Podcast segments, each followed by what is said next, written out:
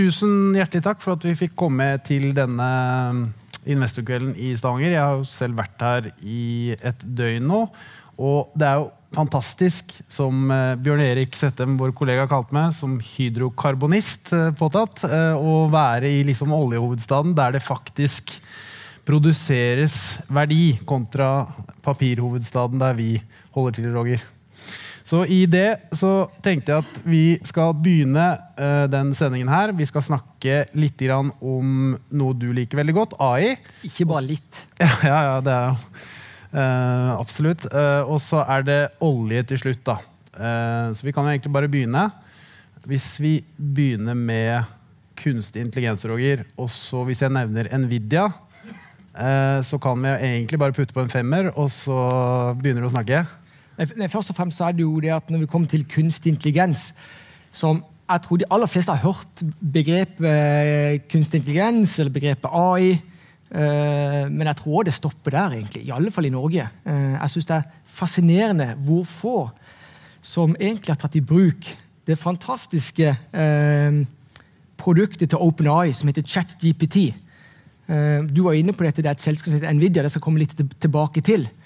Men uh, kunstig intelligens uh, Jeg er ikke i tvil om at det kommer til å revolusjonere absolutt alle bransjer. Det kommer til å påvirke hvordan vi alle jobber. Bare i løpet av et års tid, kanskje. Så, så blir vi nesten tvunget til å, til å endre våre hva skal jeg si, metode. Både i, i, i det private, men, men ikke minst, minst på, på, jobb.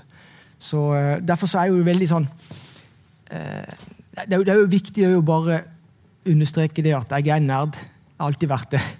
Jeg drev med gaming back in the days. Jeg husker mamma sa at du kan ikke holde på med for du blir firkanta i øynene. og alt Det der. Det fikk jeg høre òg, faktisk. Det fikk du også, ja. Eh, det gikk jo greit, eller i alle fall fra mitt stål så gikk det greit, men det er ikke alle som mener det. Eh, men i alle fall Jeg, har, jeg kan se det. Du kan se det. Mm. Så, så, selvinnsikt er det ikke vits å ha. I alle fall ikke i, i, i noen sammenheng. ikke så? Når vi har, meg og deg har pod. Mm. Men jeg vil bare, bare treffe litt uh, som spikeren på hodet når det kommer til kunstig intelligens. Uh, vi Husk dette fra dagens sesjon. I tillegg til selvfølgelig alt det med rentefond og, og, og, og det det innebærer. Men husk det at vi lever nå i nerdenes tidsalder. Og det, det, har ikke gått opp for uh, Og det er omsider. Og grunnen til at vi, vi har uh, Jeg kan si det med nokså uh, ja, Nesten to streker under svar. Det er jo at vi har et selskap som heter Nvidia, som starta med å lage et produkt, altså skjermkort, noen sånn GPU-er som skulle gjøre at disse nerdene som satt og spilte dataspill, kunne få bedre grafikk på, på spillene. Og så viser seg at dette produktet her har enorme, eller, eh, har enorme regneferdigheter. Som gjør at eh, vi kan simulere hvordan altså nevrale nettverk, sånn som hjernen vår fungerer. Og Det er derfor kunstig intelligens i dag fremstår som at det er et, det er et medmenneske. Så det, det, det, er en game changer. Og det er, og er derfor og det er, ene alene ett selskap, Nvidia. Så, folk, så hvis folk uh, har hørt om Nvidia, et selskap som har liksom, gått til uante høyde på børsen. Jeg må bare si det, jeg har eh, aksjer i Nvidia. Eh, jeg liker mange sånne type tech-selskaper. Men, men, husk på det. Kunstig intelligens fremstår i dag, pga. produktet til Nvidia, så vil alle måtte få et forhold til, til et selskap på kloden. Alle, og, og, og det, er litt, det, er litt, viktig å få fram. Ja. Sånn at det er det som er hele bakteppet. Men nerd, nerdenes tidsalder, det er, det er min, min, påstand. Mm. Men alle her i salen og egentlig rundt i Norges land har faktisk et forhold til Nvidia. fordi oljefondet er jo en av, en av de største posisjonene til oljefondet er jo faktisk Nvidia. Og enhver nordmann eier faktisk aksjer for rundt omkring 25 000 kroner per eh, altså per nordmann i Nvidia i dag. Så, jo, så, alle har et forhold til det. Men du var inne på det at uh, nerdene overtar verden, eller vi lever i nerdenes tidsalder. Men de har jo på mange måter også overtatt børsen, i hvert fall i Amerika det siste, det siste året. Med tanke på Nvidia som har blitt et, det var vel på toppen et 15 milliarder 100, altså 5, og så blir det 1500 milliarders dollars selskap. Eh, nå er det vel på bare 1000, så etter at det har falt litt. Men det har jo vært med, i tillegg til Microsoft og AMD og alle disse andre skjermkort- og teknologispillerne, har jo dratt opp indeksene. Så det er jo åpenbart at markedet har et veldig altså, Det er jo alltid hyper i markedet, men du har åpenbart en veldig stor altså Markedet har veldig stor tro på dette kunstig intelligens-tematikken, og at det skal overta mer eller mindre det meste, eller i hvert fall påvirke de fleste bransjer. Men hvis jeg spør deg, da, Roger, du som kan veldig mye om det, og vi skal snakke om en av, en av dine venner i neste slide, men hvis jeg kan spørre deg, hva tror du kunstig intelligens vil påvirke mest? Hvilke bransjer vil eh, bli mest påvirka av det? Absolutt alle bransjer. Og det er jo det fascinerende. Men først og fremst ta advokatbransjen. De fleste, de fleste advokattjenester som koster mellom 10 og 20 000 kroner, de, de er egentlig obsolete i dag. De, de, kan du få ChatJPT til å, til å gjøre for deg, så det er borte. Når du kommer til skole, altså innenfor skole, så i dag er det den, og det er litt fascinerende, og det er jo litt sånn relatert til det å bli en god investor. eller derfor prøve å bli en god investor, så så handler jo det egentlig om å stagge frykt. Eller hvordan stagger du frykt? Du øker kunnskapsnivået, du må forstå hvordan ting fungerer. Og når det kommer til kunstig intelligens, så er jo det hoveddilemmaet. Det er det at det er så mange som frykter det. Til og med Elon Musk frykter det. Uh, skal ikke jeg gå i, den, i det sporet, men, men uh, alle bransjer, uansett fra advokat til helse til skoleverk, uh, i vår bransje, finans, å, gud bedre, altså. Jeg stopper der, tror jeg. Så, så stygt for meg, det. Jo, men ta, tar et eksempel. Altså, vi, har en, vi har en toppsjef i, i Nordnett som heter Lars Åke Nordling. Så for gøy så skriver jeg dette her morgenbrevet. Eh, jeg har gjort det i 18 år, hver bidige dag klokka fem. Apropos eh, Måseid. Jeg, jeg har tatt en DNA-test. Kanskje vi er i familie. jeg vet ikke, Vi har liksom samme grunnfilosofi når det kommer til, til å ha en sånn indre kraft og, og til å gjøre noe. Men jeg skriver et morgenbrev. så Fra fem til åtte så bruker jeg eh, all min tid til det. Pga. kunstig intelligens og bare kanskje to-tre måneder med eksperimentering med ChatGPT, så har jeg gjort morgenbrevet til å bli et nordisk. Sant? Så nå kommer det ut på norsk, dansk, svensk, finsk. Og ikke bare det, tilbakemeldingene fra alle kundene. Vi har jo mange kunder òg. Altså, plutselig så har jeg blitt en mester i rettskrivning. og Gud bedre. Og Det er fascinerende. sant? Og, og, det er bare for at jeg har tatt i bruk ny teknologi. Så meg og deg, Vi har jo vært kollegaer i noen år. Eh, og jeg sier det at ting som jeg bare for halvannet år siden og jeg, Min styrke er jo det at jeg er en systembygger. Bygger system og struktur. Men, og jeg, jeg, jeg, har alltid sett på meg som veldig effektiv. Men, men, ting som jeg brukte en halv arbeidsdag på for ett og et halvt år siden, det bruker jeg 20 minutter på i dag. 20 minutter. Så var det han der, Lars Åke Nordling, som er toppsjef i Nordnett, han sa det at ja, men, eh, kanskje du blir utkonkurrert på morgenporten. Vet du hva jeg svarte? Det tok meg to Det gikk en faen i meg da, altså. Ja. Det var da jeg tenkte da skal det ut på nordisk nivå, den denne morgenporten. Så jeg gjorde et produkt til B4 på 0,x. Sånn vil alle kunne gjøre, både på privaten, på jobben sin. Og da er det jeg tenker bare, bare eksperimentere og komme i kapp, for alle bedrifter kommer til å det kommer til å bli name of the game. Og det som er eh, vi skal si det, det som er det positive der, det er det at vi bare løfter verden til et nytt nivå. Så, så, så, så, nivået du må ha for å være nummer én, det blir bare høyere. Nivået du må ha for å ikke bli kalt lat, det heves òg. Så det er ikke bra å være lat i denne verden. Så. Nei, og jeg prøvde egentlig, og Du er jo mye flinkere enn meg innenfor chat GTP å stille de riktige spørsmålene osv. Uh, Først så prøvde jeg å spørre ChatGTP hva fordelen med Roger Berntsen var, men da fikk jeg ikke noe svar. Og selv ikke med meg selv. Men så da prøvde jeg på hvert fall fordelen med et menneske, da, og da får man en hel rekke faktorer som de som er i salen her kan se, og så får man også det med kunstig intelligens. Men det snakkes jo mye nå om at veldig mange Du nevnte Elon Musk litt tidligere. At uh, man er redd for rett og slett at disse datamaskinene skal ta over verden. Hva er liksom din take på det? For det skrives veldig mye om det, og veldig mye forskjellige meninger. Bill Gates har sin mening, Elon Musk har sin mening. Men du som er såpass dypt inni det, da, og bruker det egentlig som Du var vel i Finansavisen og sa at du, vel, du har fått en, en, ny venn egentlig i det? da? Ja, og Fordelen min er jo det at det er jo klart at jeg blir jo litt euforisk når jeg får en ny venn, for jeg har så få. Ja. Så det er det som er Og så har jeg jo fått eh, Alex Rosén som venn. Ja, ja, ja. Han er, meg og han er jo prikk like. Ja. Så jeg blir jo veldig inspirert av, av noen som er litt annerledes enn meg. Og det er klart at en ChatGPT for mitt vedkommende Vi skal si det at, hvis jeg skal bare liksom, si én ting som, jeg, som, uh, som er verdt å, å, legge på minnet, det er det at om noe så er i alle fall ChatGPT sånn som fremstår i dag, den har fjerna språkbarrierene på kloden for en alle. For en gang for alle. Og tenk deg det! Hva er det som egentlig skaper gnisninger i verden? Altså geopolitisk gnisninger? Jo, det er jo språkbarriere. Eh, at folk ikke taler samme språk.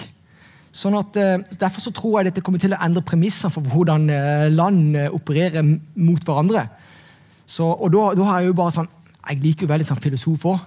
Så, så, det filosofiske perspektivet på kunstig intelligens som jeg, som jeg synes er oppløftende, det er jo det at endelig har verden fått en felles fiende. da eller i alle fall de som styrer verden, fått en felles fiende. Om du er Kina, om du er USA eller ikke.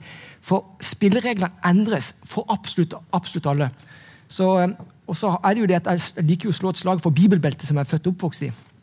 Eh, ikke at det er religiøst, men du har jo denne her historien om Babels tårn. ikke vel? Så, så, Det er veldig mye som er linka til det at det er ikke bra for folk som har makt, at språkbarriere eh, forsvinner. Så det tror jeg blir en sånn, en, sånn politisk ekstrem issue. Så jeg, jeg, helt oppriktig så tror jeg både Kina og USA har fått en, fått en felles fiende. Og midt i den skvisen der, vet du hvem det er? Elon Musk.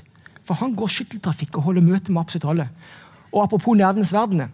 Jeg, jeg er aldri redd for en nerd, for dette, jeg, jeg er jo ikke redd for meg sjøl heller. For det, men det som kjennetegner en, en ekte nerd, han er verken god eller ond. Men han har lyst til å utrette noe. Løfte uh, folk bak seg til et nytt nivå. Der er jo Elon Musk nummer én, eh, rett og slett. Så, så 'Nerdenes verden' det høres jo ut som en veldig skummel film, men det er jo ikke det. Nei, det, det høres kjedelig ut for meg, da. men, uh, men ja. Det er, det er, i hvert fall veldig interessant dette på Hvis du drar det tilbake igjen til børsen da, med, med kunstig intelligens, hvor ekstremt stor tro på eh, altså, Man kan jo se rundt seg i dag med høye strømregninger, det er høy inflasjon, det er høye renter, men allikevel så har du Nasdaq-indeksen opp 35% og Mye av det er jo pga. Nvidia, og så har du selvfølgelig Microsoft som har blitt dratt opp av ChatGTP osv. Vi har snakket litt, Det har vært mye rentefond på, på scenen her tidligere. og hvis man regner på det, i forhold til det med mm, aksjerisiko kontra renterisiko nå, da, så er jo den spreaden der historisk liten. altså Du får veldig liten risiko med å ta eh, aksjeavkastning. Men ser du på avkastning på de amerikanske børsene, så, så, har det jo vært et fantastisk år. Og det er jo kall det noe av det som er fantastisk med kapitalisme og børs og finans. at du som du sier, Nerdene skaper jo nye ting hele tiden. og Det gjør jo at du får sånne type ting som kunstig intelligens. og Tidligere så var det jo ESG og og nyere teknologi osv. Så, videre. så Så ting altså, Det er innovativt. da, og er, så det, Sånn sett så er det veldig bra at det er mye nerder rundt omkring. Ja, og at vi lever i den tiden. Ja, Konklusjonen er det at det øker jo produktiviteten betydelig. Helt oppriktig, altså Hvis jeg klarer å femdoble min produktivitet på noe, så klarer jo de fleste noe av det samme på et eller annet vis. Bare at de setter seg litt, bruker litt ekstra tid på det. Men i bunn og grunn så er kunstig intelligens ikke noe å frykte, for det er ikke, noe som er, det er ikke et vesen som er skapt, men det er en assistent. Så omsider har vi alle fått en sekretær eller en assistent. Som, eh, eller en venn. Hæ? Eller en venn. Eller en venn, ja. Kall det hva du vil. Så, så produktivitetsøkning blir det i alle ledd. Og jeg tror hele 2024 kommer til å domineres domineres av at selskapene på et kvartalsgjennomgang gjennomgang kunne presentere at her har vi fått et nytt produkt uh, eh, utvikla gjennom kunstig intelligens. Det har kommet på markedet uh, raskere enn noen gang tidligere. Det er større kvalitet på det enn noen gang tidligere. Og det vil komme i selskap A, B, C, helt til Å, altså. Så, jeg tror, så, jeg, tror, så jeg, tror, jeg, tror, mange undervurderer hvilken sånn potensial det ligger bare i, i kunstig Men noen ganger sa de at grunnen til at jeg mener at de ikke har gått opp for folk flest, det er jo det at det er jo bare å se rundt. ChatGPT har vært tilgjengelig gratis i snart et år. Men hvem er det som bruker det? Altså, det, er, jeg, jeg, det, det, skremmer, det, skremmer, litt, altså. Ja. Uh, Men produktivitet og en assistent og, og så tenker jeg jo i alle fall for den eldre garde. Altså Hvis du tenker på, uh, på besteforeldre og kanskje de som er eldre enn det, som har slitt med den teknologiske, ekstreme, bratte kurven på teknologi, hvor plutselig ikke du kan gå i banken og gjøre det ene og det andre, de blir redda nå av kunstig intelligens som det fremstår nå, pga. Nvidia og det selskapet som heter OpenAI, som er funda av Microsoft. Tenk det. Og da kommer du tilbake til det at for vi skal relatere det til, de, til dere som sitter i salen her. Hvordan blir du en bedre investor? Å, bli en god investor i dag De trenger nesten ikke meg og deg, Mats. altså. Jeg, jeg, jeg kan gi dem noen få strofer, så kan du komme top of it nokså kjapt på det å forstå hvordan finansmarkedene uh, uh, fungerer. og Burde jeg gå inn i denne, denne aksjen gitt de, de forholdene? Altså, det, er, det, er, bare kreativiteten som, som, som, som begrenser egentlig enkeltindividet i dag. Uh, vi skal gå videre her nå til, uh, fra det ene til det andre. Men vi snakket litt om ny teknologi, og sikkert, uh, AI vil sikkert påvirke oljebransjen også, Roger, på sin måte. men vi er jo i Norges oljehovedstad, og, um, og da er det jo naturlig å snakke litt om olje. Og hvis jeg spør deg, hva er dine takes på olje? For du har jo tross alt solgt oljeaksjene dine. Jeg har kjøpt. Så har vi jo en interessant diskusjon bare der. Men hvorfor har du solgt oljeaksjene dine? Nei, altså, det er litt rart, egentlig. For jeg har jo holdt eh, tritt ved Equinor lenge, men ja. Eh, det tok jo helt av når krigen brøt ut. og eh, Oljepris gikk 140 dollar fatet. Eh, gassprisen gikk ti ganger. Eh, og det er jo ikke sustainable. Det kan godt være sustainable i, altså, sånn, i en kort periode. Altså, Olje og gass er jo sensyklisk. Så det skal koke litt før det brekker sammen. Men spørsmålet om det brekker sammen denne gangen, det er jeg ikke sikker på. Det, det tror jeg eh, ikke de kommer til å gjøre. Men eh, jeg har et veldig sterkt forhold til eh, olje- og gassnæringen. For det første så er det det at når du Jeg er opptatt av det begrepet som knyttes til integritet. Til syvende og sist den eneste reelle verdien vi mennesker har, et selskap har, en nasjon har, det er integritet. Kan du stole på? Ikke i gode tider, men i dårlige tider. Og i dårlige tider, hvem kan du stole på da? Jo, du kan stole på Aker BP, du stoler på Equinor til å levere gass eh, til bl.a. kontinentet. Så det er integritet. Så, så, så, sånn sett så er, jo, så er, det ikke vits å kaste kortene i noe oljerelaterte selskaper i disse dager. Eh, men eh, så må jeg jo bare skyte inn, jeg skryte litt av det, at eh, min mor er jo født og oppvokst i, eh, på Sola. Så dette, jeg føler meg litt hjemme når jeg er når jeg er her. Eh, så jeg har alltid hatt sett på uh, sett på den, den, den, og, og, og Måsøyde han snakket vel litt om det. Altså det, er, det, er en, det, er, en, helt annen aura når du kommer kom hit. Uh, og jeg, vi vet jo det at uh, fra et investorståsted så i Stavanger-området så, så, har så, De risker mer kapital, mm. men de skaper mer òg. Rett og slett. Men tilbake til det med olje, olje og gass. Helt oppriktig. Det, det, ligger jo, det ser ut til at det blir en del gode år eh, for, for, den næringen. Omsider. Ja, det gjør jo det. Og nå har det jo kommet flere politiske reguleringer også på at selv disse mest kalde klimavennlige i forhold til ESG osv. har jo nå fortalt at de ser for seg at, at olje og gass vil være i 10, 20 og 30 år til også. Og gass ble jo tidligere litt sånn svartelista fra forskjellige, forskjellige miljøvernkonvensjoner, men så kom det tilbake igjen som et grønt alternativ. Men man ser jo åpenbart nå at med tanke på at dette fornybare lar vente på seg, med vindmøller og, og alle mulige sånne type ting, eh, og at oljeetterspørselen holder seg såpass bra OPEC trekker jo tilbake tilbudet sitt for å stabilisere prisen oppover. Og så bygges det jo heller ingen ny kapasitet. Så det er, det, på alle mulige parametere så ser det absolutt veldig bra ut. tenker jeg da. Ikke nødvendigvis kanskje for at, at, aksjene skal gå herfra og enda mer til himmelen, men du har i hvert fall en ekstrem kontantstrøm på disse nivåene. og hele kombinasjonen med en makroøkonomi som er svakere enn hva det har vært tidligere, ja. Så USAs bruttonasjonalprodukt vokste med 2,1 eh, med tallet i dag. Eh, men du har også et enda svakere tilbud, og du går inn i et, en um, årstid nå som krever mer oppvarming og energi osv. pga. at det blir kaldere på, på hvert fall den nordlige halvkule. Så jeg klarer jo ikke helt å se noe negativt nødvendigvis, i hvert fall i det korte bildet. Men... for det første så handler det om alt. altså verden er sånn, De skvises jo nå av det høye rentenivået. altså det på Inflasjonspresset er det fremdeles, og vi må forvente høyere rente i lengre tid. Eh, grunnen til at, altså Det som er urolig i dag, det er jo de, de geopolitiske altså spenningene som er der ute. Så Skulle de løses opp, så vil det jo eh, bli bra for alle, tror jeg. Men nå balanserer vi jo på en knivsegg i forhold til om denne oljeprisen som vi har, de olje- og gassprisene, om de er med på å egentlig ja, drar ut pluggen her, og så at dette blir vondt verre. Og, men apropos når du er inne på dette her med at det er ikke, det er ikke, det er ikke let etter mer, det er, det er mangel det er ikke, Er det én ting det ikke er mangel på kloden, så er det olje og gass. Det er så mye olje og gass. Altså det, det, det er, det er, jo mer jeg har holdt på med å lese og studere om ulike sektorer og bransjer, så blir jeg liksom, blir sånn oppgitt. Altså, mangel på olje og gass. Altså Saudi-Arabia kan produsere 13 millioner, eh, 13 millioner, fat hver dag. De produserer nå åtte. Det er bare, de bare stille litt på det. Ja, Det er så, ikke mangel, så, men det er restriksjoner da, på og, for, produksjonen. Så husk på det, I dag er det sånn at etterspørselen olje det, det, det, som er faren her, etterspørselen olje er egentlig veldig lav. Og det er OPEC. Uh, OPEC-landene, og så er det jo da i tillegg Saudi-Arabia som tar noe på egen, egen, regning, som holder dette i sjakk. Uh, jeg tror jo at Pga. geopolitiske spenninger så tror jeg de er veldig fornøyd med situasjonen. at, at det vil ikke overraske om du ser at Saudi kommer til å åpne opp, ta bort den millionen som de kutter ekstra. sånn at en oljepris på, så når, når noen snakker om oljepris på 140-150 dollar fatet du er jo som det, altså, føler, du, har for, du, har, du, har forlatt litt av realitetene da. Det, ja. det, ikke, de er ikke så dumme i OPEC. Saudi-Arabia er ikke så dumme. De å, nå tror jeg de kommer til å prøve å holde den på rundt 90 dollar fatet. Og vil være kjempehappy med det. Og, uh, og det vil være godt nytt for hele industrien eller bransjen. Ab absolutt, men du var inne på geopolitisk spenning. Men uh, vi ser jo nå på de tallene jeg er sikker på, fall, så kommer oljen fram også fra Russland, selv om hele Vesten har vært restriktive på det og satt opp ulike trade blocks osv.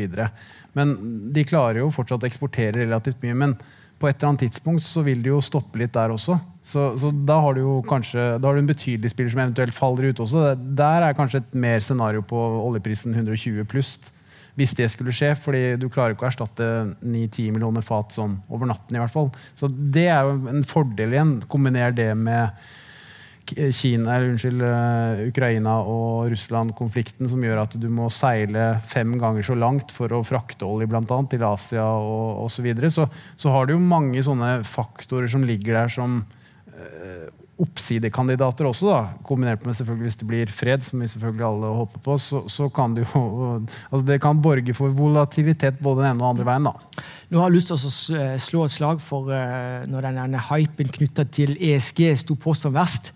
Da satt jo vi meg og deg, Mats, og hadde en podkast. Uh, jeg vet ikke, Nå skal jeg ikke nevne selskapets navn, og sånt, men ting gikk jo virkelig høyt. og ja. Vi slo jo et slag for olje og gass. Jo, altså, vi ble jo nesten litt sånn latterliggjort. Ja, det... Uh, men, men, jeg ble det i hvert fall. Jeg, jeg satt og snakka om et spesifikt selskap som var altfor dyrt prisa. Og, så videre, ja. så gikk jo den kursen tror jeg, 30% det tre dager etterpå. så det var sånn... men det er viktig å reflektere litt over det der. Sant? Integritet er veldig viktig. Uh, olje og gass er det viktigste råvaren vi har på kloden. Uh, vi må ha eh, leverandører som kan, som kan, faktisk stoles på, og det, og det har vi. Mm. eh, stort sett. Og så har jeg òg lyst til å skyte inn, for du, jeg tror du var inne på dette med ESG. Ja. Og det er jo sånn i, Mitt tips er ikke bruk så mye tid på å irritere seg over ESG, om at det brukes i øst og vest med statens penger eller skattebetalernes penger på ESG. Sånn har det alltid vært når infrastruktur skal bygges. Det har alltid vært skattebetalerne som har tatt det. Det er ikke nytt denne gangen. Det var sånn for 50 år siden, det var sånn for 100 år siden, for 200 år siden.